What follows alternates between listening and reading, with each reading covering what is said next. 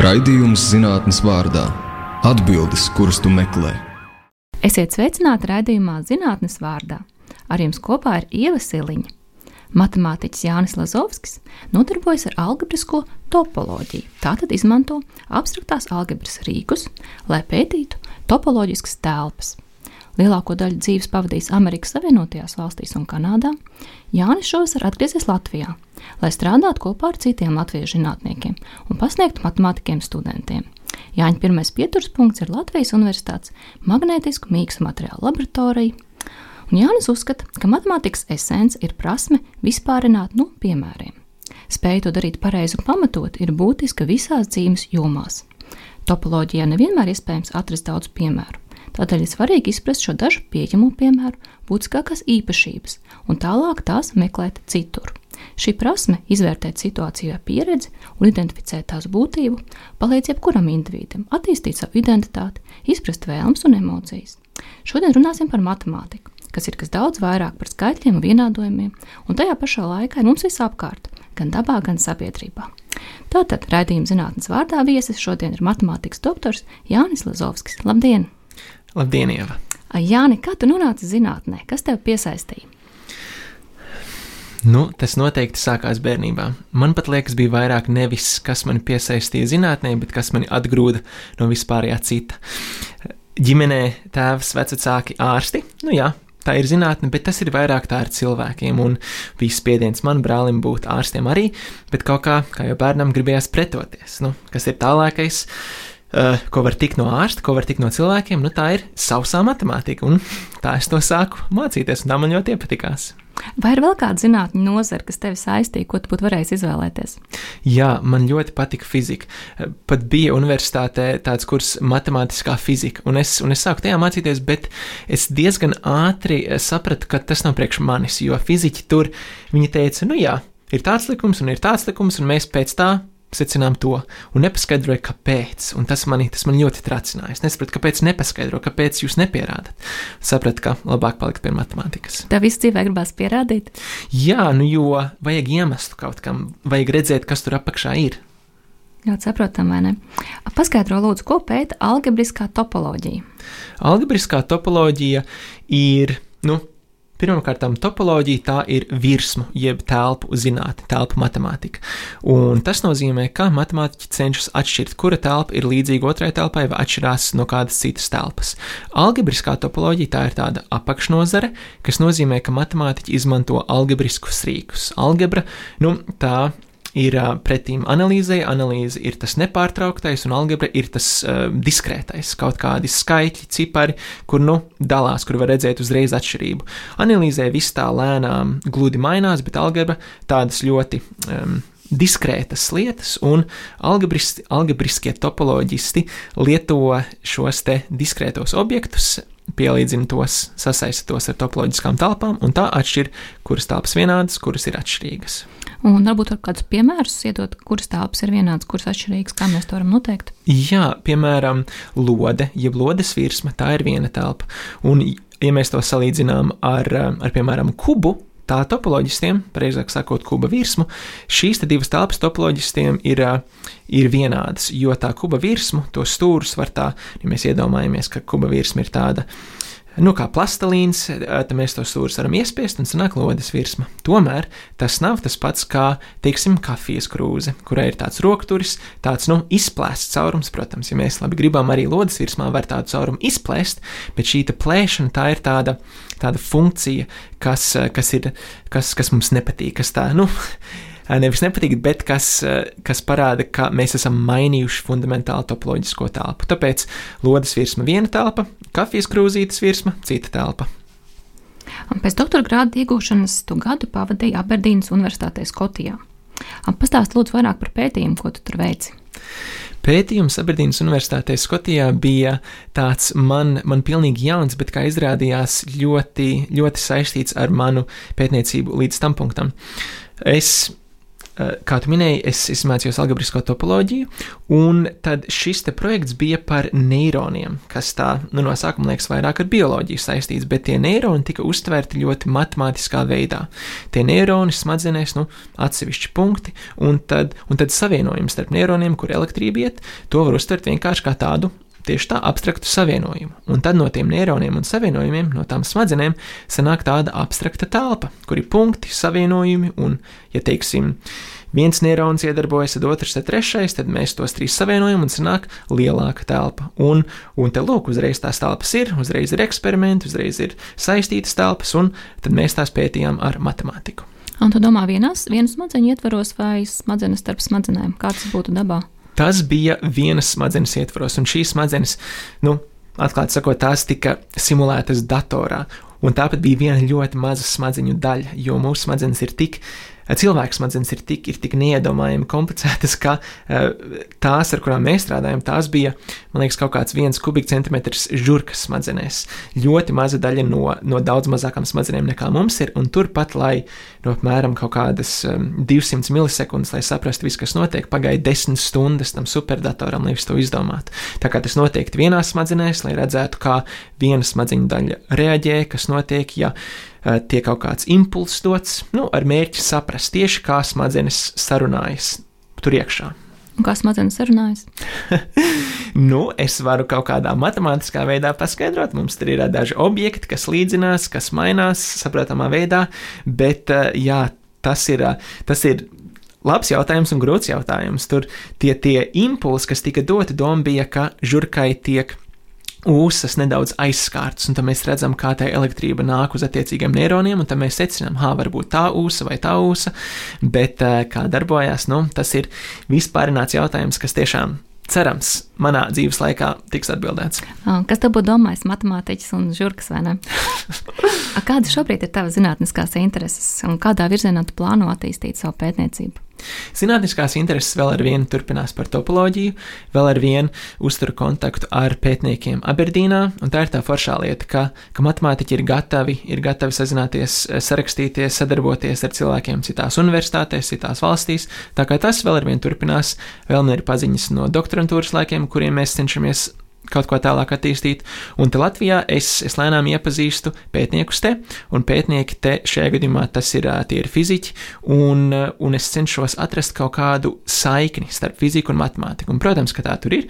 Un jā, tā kā es vēl ar vienu turpiniet pa topoloģijas ceļu un redzēt, kā tā topoloģija parādās citās zinātnēs. Tu gribētu redzēt topoloģiju fizikā? Tā noteikti tur ir. Tas jautājums ir, kā to precīzi formulēt. Nu, jo nu, var jau ļoti, ļoti virspusējā veidā vienkārši teikt, jā, telpa, fizikas eksperiments, tur ir telpa, bet, ja mēs tiešām gribam to izmantot, tad mums ir jāsaprot tā valoda, kā matemātiskā valoda parādās fizikas valodā. Un tas ir tieši tas, kas man interesē. Kā, kā pateikt, labi, šī te matemātiskā teorēma tajā kontekstā nozīmē šo te fiziskā kontekstā, nu, precīzāk sakot, fizikas kontekstā. Un to man, to man ļoti interesē redzēt. Kādēļ ir svarīgi izprast šo te Man liekas, ka zinātniekiem, nu tagad drusku filozofiskāk, man liekas, ka ir svarīgāk nevis kaut ko jaunu, dramatisku atklāt, bet vairāk saistīt jau, jau esošas zināšanas. Nu, jo mums ir tik daudz tā zināt, mums vajag saprast, ka. Uh, un man liekas, man liekas, ka daudz kas. Uh, kas zinātniekiem jau ir zināms, tas ir viens un tas pats, tikai citā valodā pateikts. Un tāpēc ir svarīgi jau zināt to, eh, pārtulkot eh, viens otra valodā. Mēs visi urbjamies katrs savā mazā, ļoti šaurā virzienā, bet mums vajag sarunāties, mums vajag saprast, ka mēs bieži vien darām vienu un to pašu. Un tāpēc ir svarīgi saprast, ka tā, ka tā fizikas valoda ir ļoti līdzīga matemātikas valodai. Un, tur, un ja mēs tiešām redzētu to skaidro tulkošanas saikni, tad, tad mēs, mēs daudz tālāk tiktu, mēs daudz, daudz vispārinātākus secinājumus varētu veikt. Jā, matemātika bieži runā, ka tā ir tik ļoti teorētiska zinātne, kāda tur faktiski var būt pielietojumi. Varbūt diezgan daudz pielietojumu. Es pat, nu jā, Es, es varu dot tādu, tādu piemēru, kas ir, kas ir pilnīgi visur. Piemēram, tagad cilvēki klausās skaņas, kā tās skaņas tiek no šiem mikrofoniem, kuros mēs runājam, līdz cilvēku ausīm. Nu, tā, tā elektronika, šis skaņu vilnis tiek pārveidots, un to sauc par, par Fourier transformu. Un, lai šo funkciju caur vadiem, nu, no, no vienas vietas līdz otrai varētu aizsūtīt, to funkciju pielīdzina citām funkcijām, un tad ar matemātiku pasaka, nu tā funkcija ir ļoti līdzīga tai, bet nav līdzīga tai, un tās ir. Un tur ir uh, vieninieks un nulītis. Viennieks nozīmē ļoti līdzīgs, nulle nozīmē nav līdzīgs. Un tad aizūta šīs virknes ar vieniem un nulītēm, un tad zina, nu labi, te no sākuma tas skaņas vilnis bija ļoti līdzīgs tām funkcijām, nebija tām funkcijām līdzīgs. Viennieku nulītis tiek aizsūtīti, un tur galā zina tās pamatfunkcijas, un tad, lūk, tiek raidītas tieši tās funkcijas, kurām līdzinājās šīs skaņas. Tā kā matemātika ir, ir pilnīgi visur. Vai ne? Mazliet kā maģija. Jā, mazliet, bet pamatota maģija. Ar kādām vēl zinātnēm matemātika veido sinerģiju? Nu, tieši tā kā tu teici, man liekas, ar pilnīgi visām fizika tur noteikti ir. Tur noteikti ir arī bioloģija, jo bieži vien bioloģiem, nu, tiem, kas, tiem, kas studē, kas strādā bioloģijas, ķīmijas nozarē, Tur viņiem ir svarīgi izprast visas iespējamās lietas, un matemātiķiem ļoti patīk klasificēt visu to, ko tie redz. Un, un lai arī eksperimentālā veidā, teiksim, ķīmijā, tiek, tiek kaut kas specifisks atrasts, atrasts, matemātiķi var palīdzēt saprast, nu labi, tas bija viens piemērs no vairākiem piemēriem, un tad šie ir visi tie iespējamie piemēri, kas jums var būt, un tas palīdz tiem, tiem ķīmiķiem, tiem biologiem saprast, ah, tātad mums ir vēl šīs iespējas, un to sākot ar eksperimentu, tur kaut ko um, saprot, tad matemātiķi no tā vispārina un dod visus tos lielos rāmjus, kuros tālāk tiem zinātniekiem strādāt. Matemātiķis tā faktiski Latvijā ir tāda reta profesija. Kā tev liekas, vai mums vajadzētu vairāk matemātiķus, un tad, ja jā, tad kas būtu jādara? Kā attīstīt šo profesiju? Jā, labs jautājums, vai vajadzētu vairāk matemātiķus? Nu, Es, es esmu pret to, ka studentiem saka, tev tas ir obligāti jādara. Man liekas, ka cilvēkiem vajag pašiem saprast, kas viņiem patīk. Un, nu, ja tagad ir tik daudz matemātiķu, tas vai nu nozīmē, ka tā tam vajag būt, vai arī, ka varbūt tā netiek pareizi pasniegt, vai varbūt atšķirīgāk no citām zinātnēm.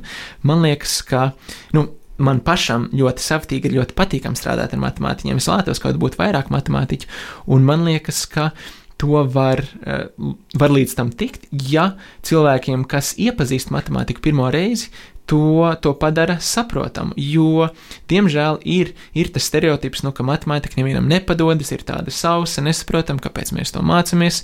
Un, un noteikti tāpēc ir mazāk to, to matemātiķu. Man liekas, ja to pasniegt interesantā veidā, vai arī pasniegt interesantā veidā, un nevis ar mērķi, ka matemātika ir tikai uzdevuma risināšana, atkal un atkal viens un tas pats, bet ka matemātika ir vairāk uh, pamatu pētīšana, kaut kādu līdzību atrašana. Tad es domāju, cilvēki saprast, oh, bet nu, var fiziku, var matemātiku, var ķīmiju, viss ir līdzīgs, tur ir kaut kas interesants. Un tad, jā, un tad būtu vairāk matemātiķu.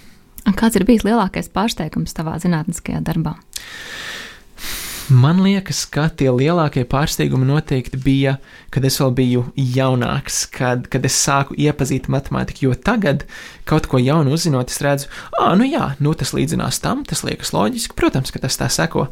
Bet tad, kad es sāku mācīties par matemātiku, tad man liekas, tas pirmais lielākais pārsteigums bija tās dimensijas. Nu, divas dimensijas, tur, kur mēs kaut ko zīmējam uz baltas lapas, trīs dimensijas. O, tad kaut kāda telpa forma izveidojas, un tas, nu, un var kā tādu bildi vai kaut kā tādu, nu, kā video redzēt, un tad vēl četras dimensijas, un tad es domāju, wow, tik, tik nesaprotam, kā var būt četras dimensijas, un tas man ļoti fascinē, tas, ka, nu, mēs dzīvojam trīs dimensijās, bet varbūt vēl dimensijas, un censties iedomāties, kā tas tiešām izskatās, tas bija, tas bija tas lielākais, tā kā, wow, ir vēl citas dimensijas. Vai, vai var iedomāties, kā tas izskatītos? Manā pieredzē visvieglāk ir domāt par ceturto dimensiju kā laiku. Bet no nu, tā atšķirība ir, ka trīs dimensijās mēs, protams, varam visos virzienos kustēties laikā tikai uz priekšu. Un, protams, te var vēl citā filozofiskā diskusija ieslīgt, bet ar laiku tas ir katrā mirklī ir jauna trīs dimensiju telpa. Un, ja mēs varētu kustēties turp un atpakaļ pa šīm dimensijām, tad mums būtu, nu, turp un atpakaļ pa laiku, mums būtu četras dimensijas. Un varbūt, ja mēs, teiksim, paliekam uz galda, un tad, un tad galds lēnām mainās laikā, tad tur mums sanāk cita telpa. Un tas, nu jā, tas varbūt ir tas vistuvākais domāt par laiku kā to ceturto dimensiju. Vai iespējams vēl vairāk dimensiju? Protams, tas ir vienkārši vēl viens cipars, bet uh, iedomāties, es nezinu. Nu, tā doma ir, kā mēs tiekam no divām līdz trim dimensijām. Ir, mēs, piemēram, uzzīmējam lielu apu, tad mazāku, mazāku, mazāku, tā vairākas reizes papīra lapas, un tad visu tos apus saliekot kopā, mums sanāk nu, tāds, tāds konus trīs dimensijās. Tad doma ir, nu, labi, nu, jūs būtu trīs dimensijas, saliekam vairākas lodes, mazākas, mazākas, mazākas, sanāk četru dimensiju lode. Nu, labi, tad vairākas četru dimensiju dimensiju lode, sanāk, piecu dimensiju lode. Nu, tā var iet, bet es nezinu, man pašam ir grūti, ir grūti galvā to visu tā iedomāties. Vai ne? Diezgan abstrakti. Jā. Turpināsim ar mūziku.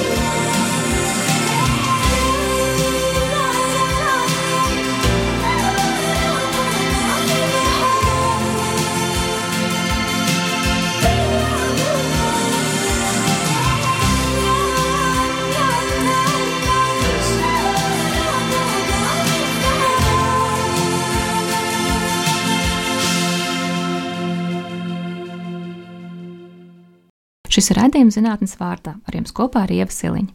Viesos mums šodien ir matemātiķis Jānis Lazovskis. Iepriekš runājām par pētījumiem matemātikā. Tagad gribētos pieskarties Jāņa atgriešanās stāstam. Jāni, savos 29 gados tu esi ieguvis daudz plašāku pieredzi nekā lielākā daļa jauniešu. Pamatskola Amerikas Savienotajās valstīs, vidusskola Kanādā, Bakalaura un maģistra grāts iegūts Kanādā, doktora grāts Illinois Universitātē Čikāgā, ASV. Pēcdoktorantūras pētniecību izvēlējies vēl Lielbritānijā, Aberdīnā. Latvijā pavadījis tikai bērnību līdz 6 gadu vecumam vasaras. Šovasar tu esi atgriezies un dzīvo Rīgā. Vai tas bija apzināts mērķis atgriezties Latvijā? Jā, tas bija apzināts mērķis. Es daudz, es ilgi par to domāju, es arī par to domāju pēc tam, kad es ieguvu bakalaura maģistra grādu. Es domāju, nu, tā, ja manī, ja man neko nepieņems, ja nekas nesanāks, ja es nevarēšu tālāk tikt, nu, nu braukšu atpakaļ uz Latviju. Tur, tur vienmēr būs kaut kas, ko darīt. Pēc doktorantūras sapratu, nu, labi, vairs, vairs nav īpaši daudz ko mācīties, esmu ticis līdz galam, nu, jāvirzās atpakaļ uz Latviju. Un tā es arī izvēlējos to pēcdoktorantūras darbu Eiropā. Tas bija pirmais tuvākais solis.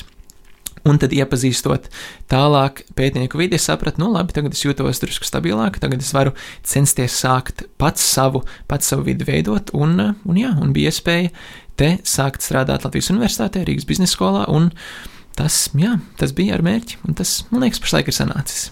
Vai tu uzskati sevi par patriotu? Noteikti. Un ko tev nozīmē latviskums? Man latviskums nu, saistās ar to patriotismu. Man, man jau liekas, ka katram gan patriotisms, gan latviskums ir kaut kas ļoti personīgs. Tā kā tas vienkārši kā pats cilvēks to uztver. Man patriotisms ir tas, ka es domāju par Latviju, es, es domāju, nu, es tam pievēršu uzmanību varbūt ne ikdienā, bet, eh, bet es, es par to neaizmirstu, es saprotu, ka manas rīcības atspoguļo to, kas ir Latvija citiem, kad es tiekos ar saviem kolēģiem ārzemēs, kad es ar tiem sazinos, atspoguļo latvietību. Un jā, es, es, cenšos, es cenšos izzināt um, Latvijas vēsturi, man patīk arī par vēsturi lasīt, un jā, tas man viss ir latviskums, vienkārši domāšana par to, izjušana to. Patiesībā jau latvieši, kas dzīvo ārvalstīs, ir vistiešākā vizītkarte, kāda tad īsti ir latvieši, vai ne? Jo visi tie ārvalstnieki, kas tiekās, saprot, jā, tādi ir latvieši. Tieši tā, tieši tā. Un bieži vien cilvēkiem liekas, ka, ka tie, nu, latviešiem liekas, ka ārzemlatvieši ir pilnīgi tie hiperlatvieši, bet manā skatījumā tas ir kā, kā ārzemlatviešiem ir latvietība, tas ir veids, kā viņi to izpauž. Un, un viņiem tas patīk, viņiem tas ir ērti, nu, tad kādam citam latvietība ir pilnīgi kaut kas cits. Un man liekas, svarīgi katram saprast, kā izjust to latvietību un kā to citiem pasniegt. Kas ir kopīgais un atšķirīgais dzīvojot dažādās valstīs? Kopīgais noteikti ir tas, ka cilvēki visur ir vienādi. Un tas vispār ir tik pārsteidzoši, jo man, man pašam likās, wow, jauna valsts, jauna pilsēta, jauna vieta, bet beigu beigās, varbūt tas arī ir tas matemātiķis vispārinātājs, kas manī, kas manī cenšas saskatīt tās līdzības, bet tiešām cilvēkiem ir līdzīgas problēmas, sūdzās par darbu, sūdzās par bērniem, sūdzās par ģimeni, sūdzās par vienu, par otru, par trešo, un beigu beigās tomēr kaut kas patīkams ir, ko ļoti cenšas uzturēt, un tas, un tas visiem tā ir. Varbūt tas izpaužās darbā, varbūt hobijos, varbūt kaut kādā ļoti vietas specifiskā īpašībā, bet ir tas pats cilvēks, man liekas, ir ļoti līdzīgi. Un kas ir atšķirīgais? Atšķirīgais varbūt ir tas, ka. Hmm, jā. Es domāju, atšķirīgais ir tas pats, kas cilvēkos Latvijā ir atšķirīgs. Ir iejūtīgi cilvēki un ir ļoti tādi. Ir cilvēki ar ļoti šauru skatienu. Un tieši tādi pat ir, ār, tieši tādi paši ir ārzemēs, kas ļoti šauri uz lietām skatās, kas domā tikai par sevi, par savu vidi, par savu pilsētu. Un, protams, nu, teiksim, Aberdīnā cilvēks domā tikai par Aberdīnu, tikai par nu, par tiem kalniem, par to jūru, par to pilsētu, par darbu. Nu, jā, tas liekas pilnīgi atšķirīgs no Latvijas, nu, jo te nav nekāda baigie kalni, bet, bet tomēr, nu, latvieši domā tikai par savu mežu, tikai par savu viensētu, un, jā, tas man liekas atšķirīgais. Tā kā redz, redz to, kas ir ap sevīm, un domā, ka, domā, ka tas ir tas galvenais. Un, jā, tas laikam, tas laikam tas atšķirīgs. Cik cilvēcīgi. nu, jā. A, tu esi bijis arī pasaules latviešu jaunatnes nometnes divreiz divu vadītājs. Ko šī pieredze tev ir iemācījusi? Tā bija divreiz divi, nu, laikam vēl ar vienu ir. Es vēl ar vienu tur piedalos divreiz divu padomē. Tā ir, nu, tā bija līdz ko es, es iepazinu divreiz divu kopienu. Tas bija ļoti liels pavērsiens manā dzīvē, jo es sapratu, ka ir cilvēki, kuriem kuriem š, šis latviedzības jautājums ir tikpat, ir tikpat no vienas puses nesaprotams, tikpat pilns ar jautājumiem kā man, un, un tie cilvēki ir gatavi par to runāt. Tā vide man parādīja, ka cilvēki, um, nu, nebaidās no tiem jautājumiem, un ir gatavi tos pārspriest, un ir gatavi runāt ar citiem, ir gatavi dalīties ar tām sajūtām. Un tas man ļoti patīk, un es cenšos to vēl ar vienu atrast citās vietās, un to sajūtu nodot citiem tālāk, jo tā, tā sajūta, ka vide ir atvērta, ka pasaule ir atvērta, ka ir gatava tevi uzklausīt un, un dot tev atbildes, cik vien spēj, tā man liekas, ir, ir, ir ļoti svarīga sajūta. Vai ir kādas lietas no tavas pieredzes, ko tu vēlētos redzēt šeit, Latvijā? Vispārinātāk, es domāju, nu, vispārinot, es, es vēlētos redzēt kaut, jā, kaut cilvēki ka cilvēks saprastu lielo bildi, un lielo bildi tajā ziņā, ka mēs esam daļa no lielas sabiedrības. Kaut arī tā ir, teiksim, tikai daļa no latviešu sabiedrības. Tie neesam tikai mēs, mūsu rīcības atspoguļo mūsu vidi, mūsu, mūsu darba vietu, mūsu kopienu, mūsu, mūsu rajonu. Es vēlētos, kaut cilvēki apjēdz to un, un domā par to savā ikdienā, ka neesam tikai es un, un tas, ko es tieši šodien daru, bet kaut kā es esmu daļa no kaut kā lielāka. Jo, jā, man liekas, ka tas palīdz, ka tas palīdz cilvēkam saprast, nu, varbūt tomēr tā rīcība skaidrāk ir, ir nepareiza, vai, vai skaidrāk ir pareiza un obligāti tā ir jādara. Jā. Tā kā lielāka empātija. Tieši tā, empātija, spēšana just līdzi. Jā. Tu šobrīd pasniedz lekcijas studentiem gan Latvijas Universitātes matemātikas um, Nodaļā. nodaļā, gan Rīgas Tehniskās Universitātes Rīgas biznesa skolā. Ar, vai latviešu studenti atšķirās ar kaut ko no studentiem Amerikas Savienotajās valstīs? Es domāju, ka neatšķirās. Tieši tādā veidā, kā es teicu, ka cilvēki, nu, studenti šajā gadījumā ir vienkārši gatavi mācīties un vēlas zināt vairāk. Varbūt atšķiras tādā veidā, ka Amerika, kā jau mēs Mēs uh, nesen esam redzējuši ar vēlēšanām, ļoti seko, visa pasaule seko Amerikas ziņām, bet, uh, bet liekas, ka, ka neviens neseko Latvijas ziņām, un tāpēc latvieši reizēm jūtas tādi mazsvarīgi, Bet studenti Amerikā, studenti Kanādā tikpat jūtas mazsvarīgi, nu, jo jūtas mazsvarīgi savā kontekstā.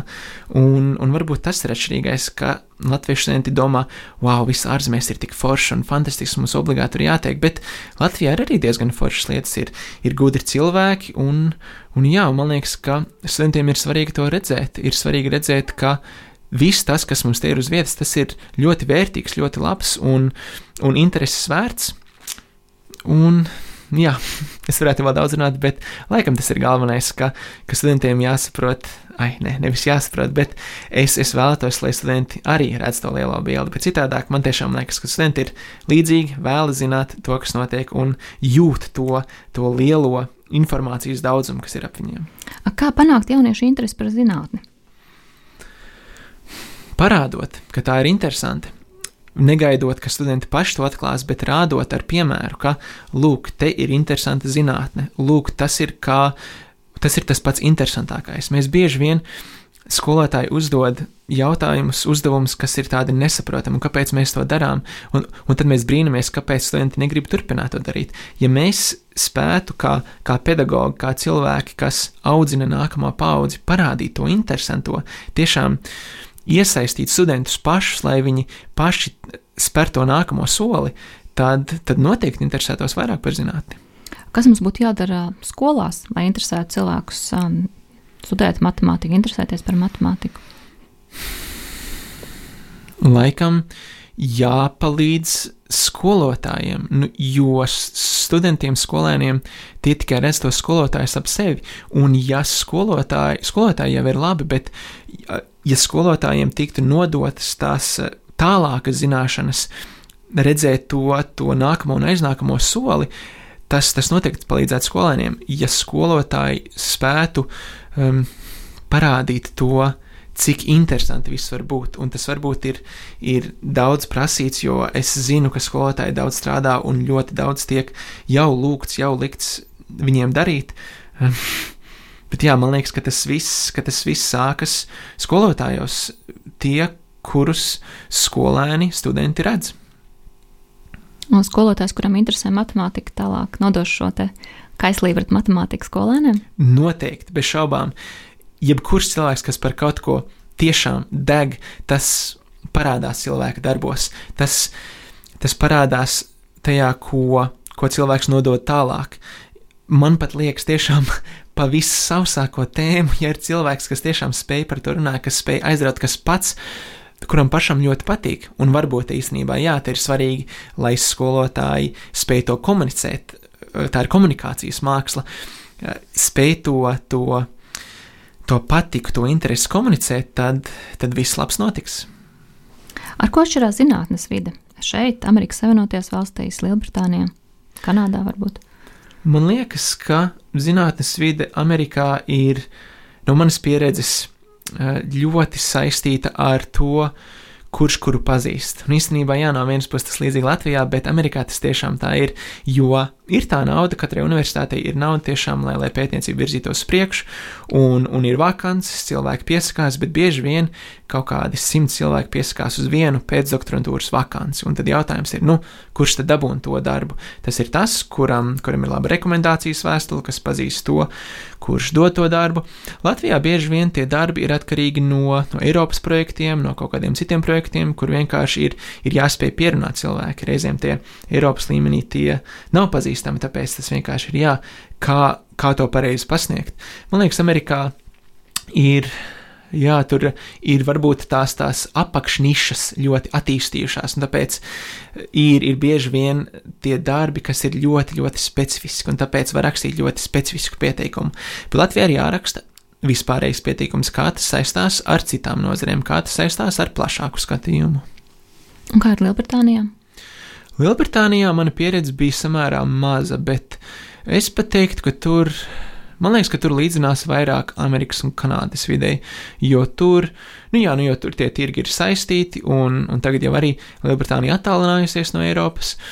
Jā, tur, tur vēl ar vienu ir, ir jācenšas tie savas nišas speciālisti pierunāt tieši kā, kā tu pats kā zinātnieks, kā spēj attīstīt to, mažo, to mazo nišu vēl tālāk. Vai tev ir kādi ieteikumi, ko tu gribētu pārnest no šīm ārvalstu zinātnes vidēm šeit mūsu Latvijā? Es jau, man liekas, to, to pārnesu ikdienā. Tas manā skatījumā ir tā, jā, tā neaizmiršana par to, kur tas var novest. Kā, kur mēs tieši ejam, kas ir tas mērķis. Jo manā pieredzē man ļoti ir palīdzējis tas, tad, kad esmu apmuļs vai es neko nesaprotu, vai kaut kā liekas, un dienu pavadījis vispār neko nedarot. Ir pašam sev atgādināt, labi, kas te vispār notiek, ko es te cenšos izdarīt, kas ir mans mērķis.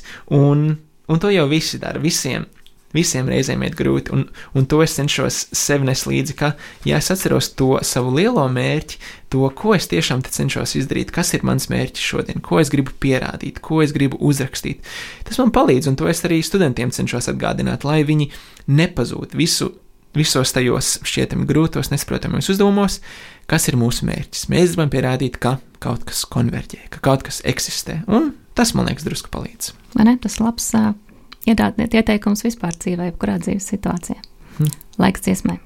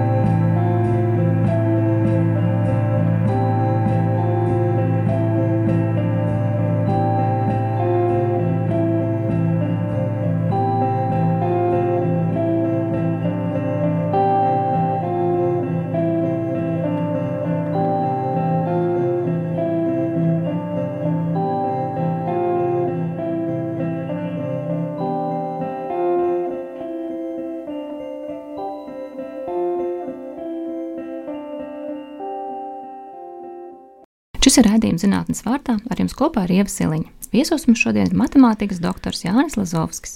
Iepriekš mēs runājām par Jāņa pieredzi ārvalstīs, atgriešanos Latvijā. Tagad gribētos parunāt par matemātiku mūsu ikdienā. Jāni, tu esi teicis, ka dinamiskais un mainīgais slēpj matemātisko. Piemēram, dzīvnieku kustība, atkārtot dabas mērījumi, cilvēku ieradumi. No šīs informācijas viss var izveidot matemātiskus objektus, par tiem spriest. Pastāst, kur mēs dabā varam ieraudzīt matemātiku? Man liekas, mēs tiešām pilnīgi visur varam ieraudzīt matemātiku. Tieši šajā studijā es biju ļoti priecīgs, jo es redzēju, uz sienas ir matemātisks objekts, ir grafs, tie ir plakāts, kurā elpo Latvijas roka mūzika. Katra alveola ir mūzikas grupa, katrs savienojums ir kopīgs mūziķis šajās grupās. Tas pats par sevi ir matemātisks objekts. Katra grupa, katrs cilvēku grupējums viens punkts, un tad savienojums kaut kas, kaut kas saistīts ar to. Mums sanāk tāda neparasta lieta, tāda plauša, kaut, kāds, kaut kāda figūra, kaut kāds tīkls, un, un no tā var veidot telpu. Ja mēs to palielinām, samazinām, pieliekam vēl kaut ko klāt, tas, tas ir pilnīgi visur. Tas ir, man liekas, nevis tas, kur ir matemātika, bet kā mēs uz to skatāmies.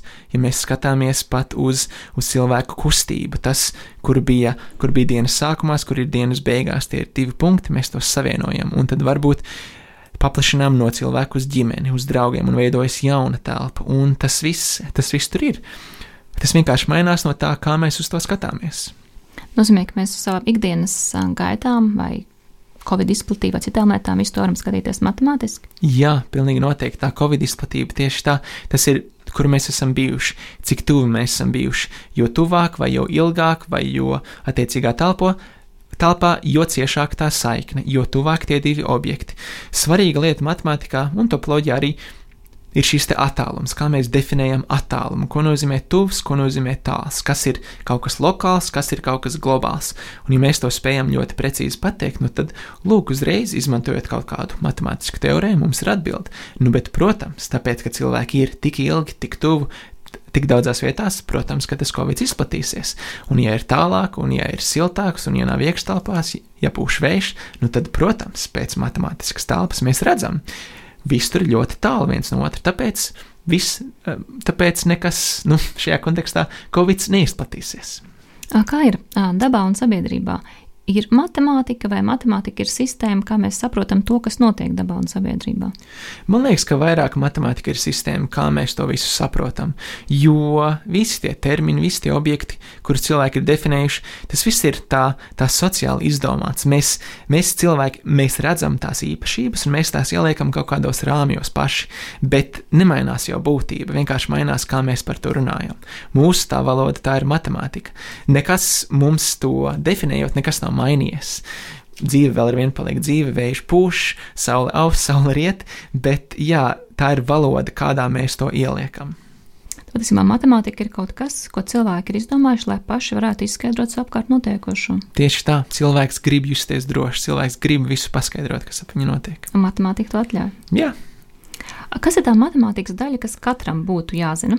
Manā skatījumā tās ir visas tās telpas, viss tas līdzīgais, tā kā, kā tiešām ir visas tās līdzības, bet ļoti praktiskā ziņā es pats esmu pieredzējis, ka, um, un varbūt tas liekas tā ļoti virspusēji un, un trūli, un mēs jau aritmētiku skaitām un reizinām jau pamatskolā, bet pilnīgi nopietni tā kā pat skatoties veikalā, cik kaut kas maksā uz svaru. Man liekas, tas ir ļoti, ļoti svarīgi to ievērot, jo mēs, teiksim, piemēram, sviests mazākā kārbiņā vai lielākā kārbiņā, mazākā maksā lētāk, bet varbūt tā attiecība ir citādāka.